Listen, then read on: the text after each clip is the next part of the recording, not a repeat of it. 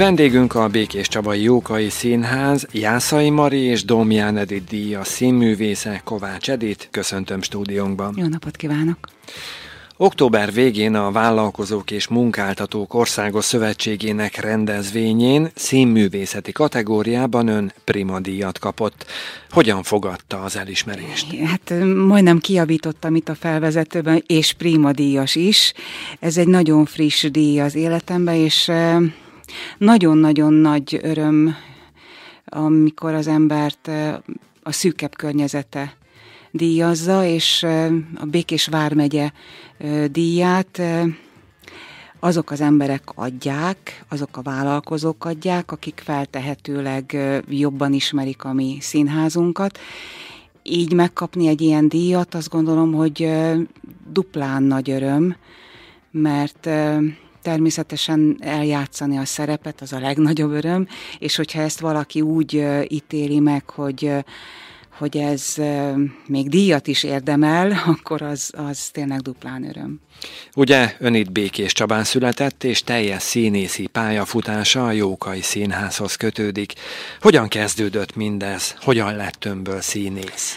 Igen, tulajdonképpen visszatérve a díjra, az egyik fontos szempont, amikor elmondták, hogy én kapom ezt a díjat, és hogy miért is kaptam ezt a díjat, abban egy fontos szempontként szerepelt, hogy hogy Békés Csabai vagyok, és nyilván ez a díj a Békés megyeieknek a díja, tehát azokat próbálják megtalálni ebben a díjjal, akik sokat tesznek ezért a megyéért, hogy jó legyen itt élni. Ez így konkrétan el is hangzott az elnök úrnak a szájából.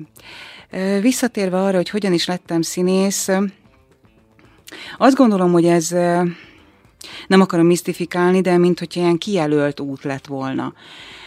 Persze én is nagyon sok mindennel kacérkodtam, hogy mi mindent szeretnék csinálni, de, de arra emlékszem, hogy hogy valami egészen furcsa érzések kerítettek hatalma, hatalmukba, amikor akár a tévében néztem egy, egy színházi gyerekelőadást, és arra is pontosan emlékszem, hogy a legelső mese előadás, amit itt a Jókai Színházban láttam, hogy az milyen frenetikus hatással volt rám. Hogy fölment a függöny, és ez a tűzpiros üveggömb című mesejáték volt, és hogy fölment a függöny, akkor füst kavargott, és ott olyan nagyon furcsa alakok jelentek meg, és én teljesen elhittem, hogy a függöny mögött van egy másik világ, és az engem nagyon érdekelt. Aztán később rájöttem arra is, hogy amikor már elkezdtek érdekelni a versek, én nagyon sokat olvastam gyerekkoromban is, és a versek olyan szinten tudtak megragadni, hogy, hogy azok az érzések, amik bennem fölmerültek bizonyos szituációk kapcsán, azokat nálam sokkal okosabb emberek olyan tömören és pontosan megfogalmazták, hogy engem ez lenyűgözött. És arra gondoltam, hogy ha engem ez lenyűgöz, akkor lehet, hogy másokat is le tud nyűgözni, és úgy megpróbáltam szavakba önteni, vagy, vagy érzésekbe önteni azokat a verseket. És volt egy nagyon-nagyon jó tanárnőm, magyar tanárnőm általános iskola 8. osztályában, Szilágyi Róza, aki sajnos már nem él, és ő mindig csinált egy-egy témának lezárásaként egy összefoglaló órát, és én emlékszem, hogy, hogy nekem mindig verseket adott. És én tulajdonképpen ott éreztem azt, hogy talán, hogyha más is látja bennem, hogy van egy ilyen affinitás, akkor lehet, hogy, hogy az a titkos vágy, ami bennem már nagyon-nagyon régen megfogalmazódott, hogy talán mégiscsak lehet nekem közöm ehhez a pályához. A családban volt olyan, akitől örökölhette a színjátszás iránti szeretetét? Nem volt olyan, aki, aki kifejezetten ebben foglalkozott volna, de azt tudom, hogy a keresztapám például, aki nem vér szerinti rokonom, de hát nagyon fontos ember volt az életemben, ő például annak idején ö, színházi előadásokat csináltak a, a mezőmegyeri kis közösségben is, ő például ott nagyon nagy sikereket aratott, úgyhogy ő, ő mindig mesélt erről, hogy, hogy az ő életében is fontos szerepet játszott. A mai világban egyre ritkább, hogy valaki egy színháznál maradjon. A sűrűbb átigazolásoknak csak pénzügyi okai vannak, vagy inkább a szélesebb ismertségre törekvés áll a háttérben? Régebben, még a 80-as években sokkal nagyobb volt az a fajta kedv, hogy az ember egyik színházból a másikba menjen. Szakmai okok miatt is, azért is, hogy egy kicsit más közegben próbáljon létezni, egy kicsit fölfrissüljön talán szakmailag. Aztán a rendszerváltás után elkezdett mindenki nagyon ragaszkodni, hiszen annyi minden megváltozott, a mi szakmánkban is megváltoztak a körülmények, és nagyon nagy szerepet játszott az ember életében, hogy legyen egy biztos pont, legyen egy olyan társulat, ahova kötődni tud, ahol, ahol lehet, hogy mindig ugyanazokkal az emberekkel találkozik kollégaként, de, de rendezők azért jönnek-mennek, tehát a rendezők inkább szabadabbak ezen a pályán, és tulajdonképpen az nagyon fontos, hogy, hogy új impulzusok érjék az embert, és ilyen szempontból a rendezők jelentik azt a fajta impulzust, amire szüksége van egy színésznek. Az önnevéhez fűződik a Minden Tudás Színházi Egyeteme című előadássorozat, melynek ötletgazdája és szerkesztője is. Ez a sorozat miről szól? Hát ez úgy indult, hogy én felnőttként végeztem Szegeden a filozófia szakon, és én nagyon-nagyon szerettem oda járni. Olyan fantasztikus tanárokkal ismerkedtem meg, és azért is fontos volt, mert azt gondolom, hogy felnőttként tanulni egészen más, mint gyerekként. Tehát az embernek van egy csomó tapasztalata már, és ezek a tapasztalatok egyszer csak a, a tanulás során úgy rendszert alkotnak.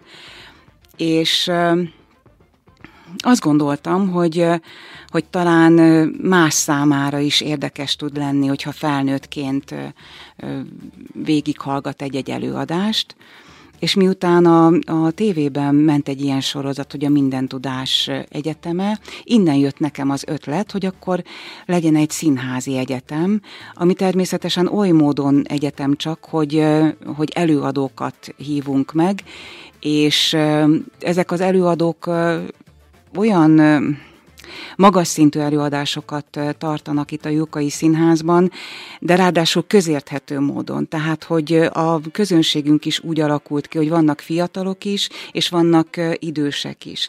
És nagyon nehéz természetesen az előadóknak megtalálni azt a közös pontot, ami, amivel a, a felnőtteknek is tud valamit nyújtani arról a témáról, ugyanakkor érthető kell, hogy legyen a fiatalok számára is és ezeknek az előadásoknak a témája az kapcsolódik a Jókai Színház repertoárjához.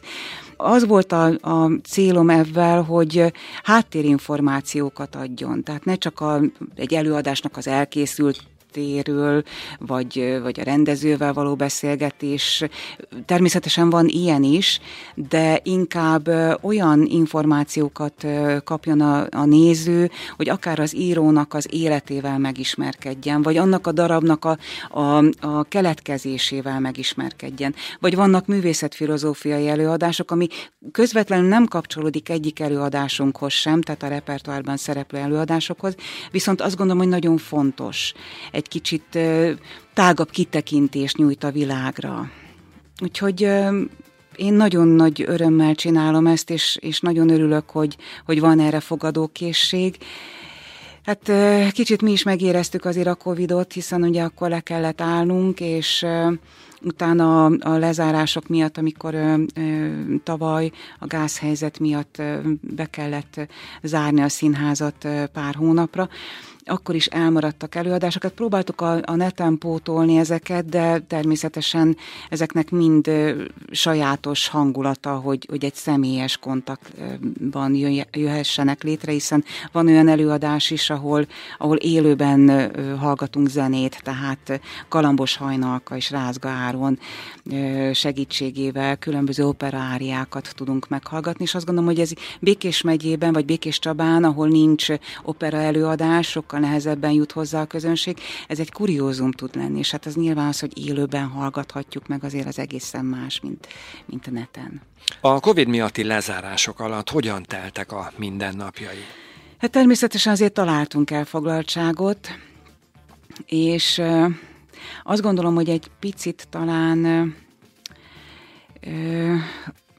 a befelé fordulás, amikor az ember szembe tud nézni, nézni saját magával. Tehát ezek nagyon-nagyon fontos pillanatok, és, és akkor, amikor az ember a mindennapok taposó malmában van, akkor talán kevesebb ideje jut arra, hogy, hogy megtartsa azokat az én időket, amire azt gondolom, hogy nagyon nagy szükség van, mert az önreflexió nélküli létezés az hát az, az nem akarok most jelzőket mondani, de, de igazából borzasztó fontos, hogy az ember tudjon rátekinteni a saját életére, hogy hol van, hogy hol tart, hogy milyen feladatok állnak előtte, hogy azt hogyan tudja megoldani, vagy és itt nem csak szakmai feladatokra gondolok, hanem, hanem különböző életszakaszokat élünk, és ezek a különböző szakaszok különböző kihívások elé állítanak és azt gondolom, hogy jó, hogyha az ember időnként kettesben tud maradni saját magával, és megbeszéli ezeket a helyzeteket, még akkor is, hogyha ezek fájdalmasak, meg esetleg kudarcélményt kell feldolgozni, de muszáj, hogy hogy ezeket a tapasztalásokat be tudjuk építeni a saját létezésünkbe, mert önreflexió nélkül nincs fejlődés, nincs, nincs célja az életünknek. Ha visszatekintünk egy kicsit a múltba, emlékszik még a legelső szerepére? Persze, hogy emlékszem. Eh, Halasi Mária a Párhuzamosak a végtelenben találkoznak című előadás volt, nagyon-nagyon régen, és eh, arra is emlékszem, hogy milyen, milyen eh, druk volt bennem a premiéren, hiszen azt éreztem, hogy én odáig csak saját magamat képviseltem, egy versmondásnál, vagy, vagy amatőr színjátszásnál, de én most már itt egy profi csapatnak a részese vagyok, és, és hát itt muszáj azt a színvonalat hozni, ami, ami olyan fantasztikus kollégák között játszhattam, mint, mint Gálfi László, Felkai Eszter, Dénes Piroska, tehát, hogy, hogy muszáj volt fölnőnöm hozzájuk, és azért ez nem volt kis feladat. Felkai Eszterrel most nem régiben is játszott egy darabban, ez volt Agatha Christie Gyilkosság meghirdetve című regényének színpadi változata, melyben Letícia Blacklock szerepében láthattuk. Ez a darab miről szól? Krimi. Én életemben először játszottam krimit, és kicsit féltem is tőle, hiszen öm, sokan olvashatták ezt a regényt, sokan láthatták filmen is, hiszen az egyik tévécsatorna folyamatosan vetítette. És hát nyilván egy krimi, hogyha valaki tudja, hogy ki a ki kicsoda, akkor azért az nem biztos, hogy olyan izgalmas tud lenni. De nagyon érdekes volt ez a karakter, mert rá kellett, hogy jöjjek, hogy borzasztó finom eszközöket használ Agatha Christie, tehát hogy lélektanilag nagyon finom eszközöket használ, és ahogy néztem utána egyre több krimit, ahogy készültem erre a szerepre. Nyilván nem ezt, ezt egyszer láttam filmen én magam is, és utána kerültem, amikor összefutottam a tévébe ezzel a filmen, nem akartam, hogy befolyásoljon. Természetesen más a színházi előadás, meg más a filmes eszköztár is, de azért ettől tartózkodtam. Viszont nagyon sok krimit néztem, és, és Agatha Christie egészen érdekes módon olyan krimiket akár a Poirot, akár a, a Miss Marple sorozatban olyan krimiket írt, ahol vagy sorozat, tehát általában sorozatgyilkosokat mutatott be, vagy nagyon kemény és, és hideg számító emberek követték el ezeket a bűncselekményeket, vagy belesodródtak emberek bizonyos döntéseik után egy helyzetbe, és, és utána már nem volt belőle visszaútjuk, tehát menni kellett azon az úton, hogyha nem akartak lebukni.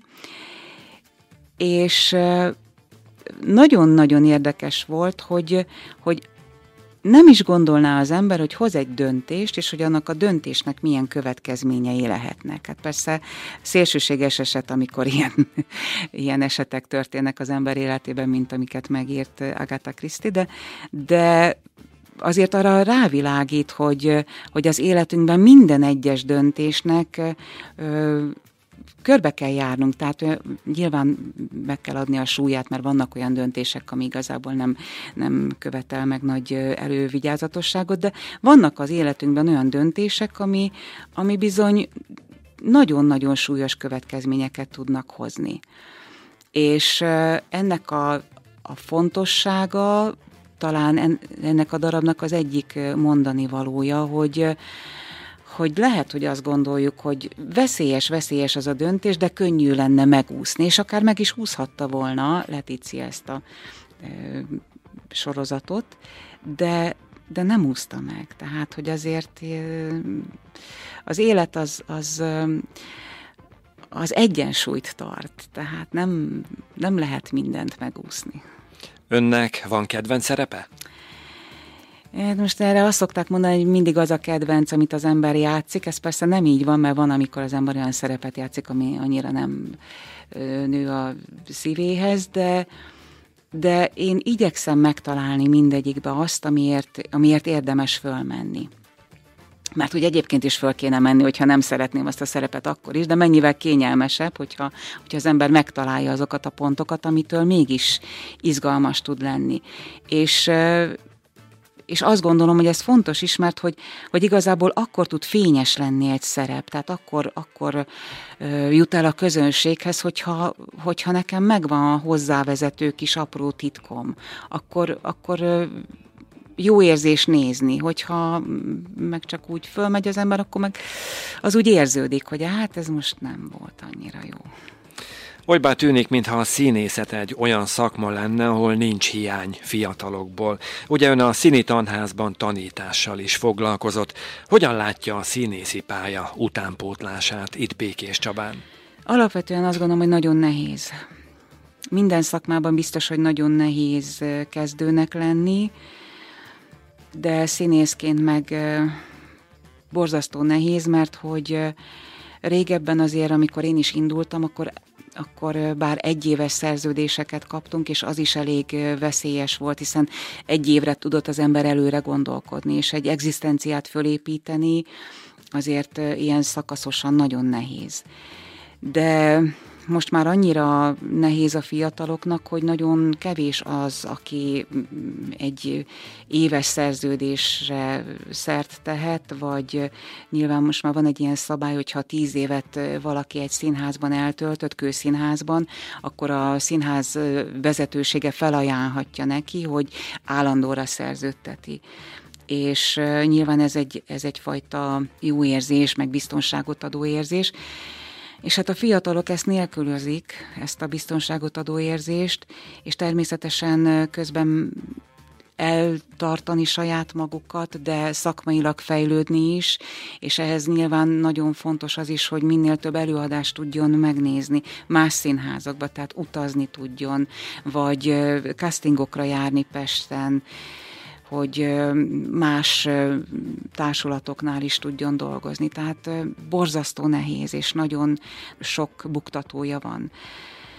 De hát ilyen szempontból nagyon sok tehetséges fiatal fiatalt látok én felnövekedni ebben a színházban is, akik nálunk kezdtek, és azt gondolom, hogy nagyon szép szerepeket játszanak már méltán, játszanak szép szerepeket. Földesi Ágikára gondolok, vagy Liszi Melindára, akik innen indultak, és azt gondolom, hogy tényleg nagyon, nagyon szép feladatokban bizonyították már a tehetségüket. De hát akár az én tanítványaim között is, vagy közül is mondhatnám akár a Citor Attila nevét, aki ugyan már nem a legfiatalabb korosztály, de azt hiszem, hogy színészként is, rendezőként is bizonyított már. A mostani Prima díj egy újabb elismerés volt, hiszen korábban már a legjobb női alakítás nívódíjat is átvehette, a megye színművészet díj mellett Domján Edith díjban, Gálfi László gyűrű díjban és Jászai Mari díjban is részesült. Van olyan elismerése, amit eddig még nem, de a jövőben szeretne megszerezni?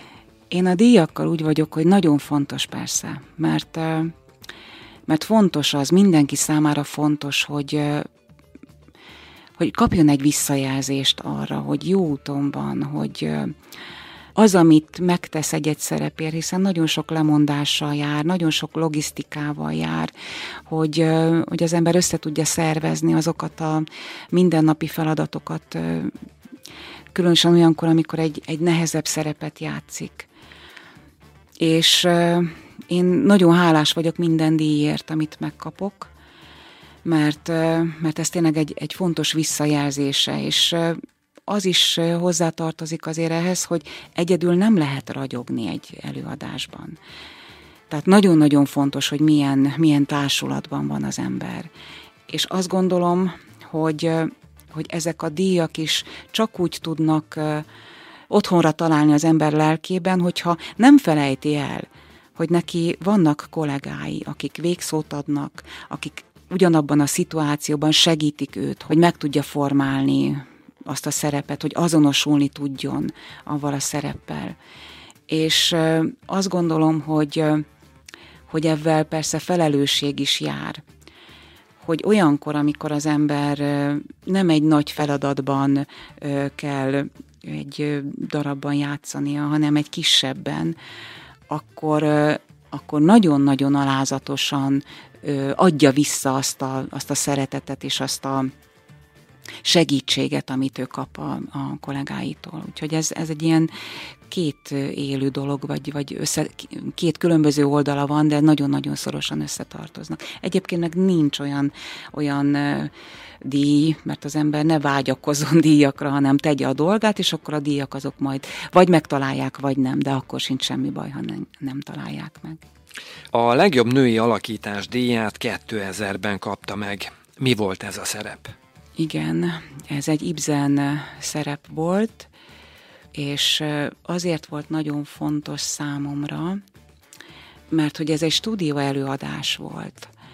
És Ibsen volt az első olyan szerző, aki már lélektanilag is próbálta megformálni a szereplőit.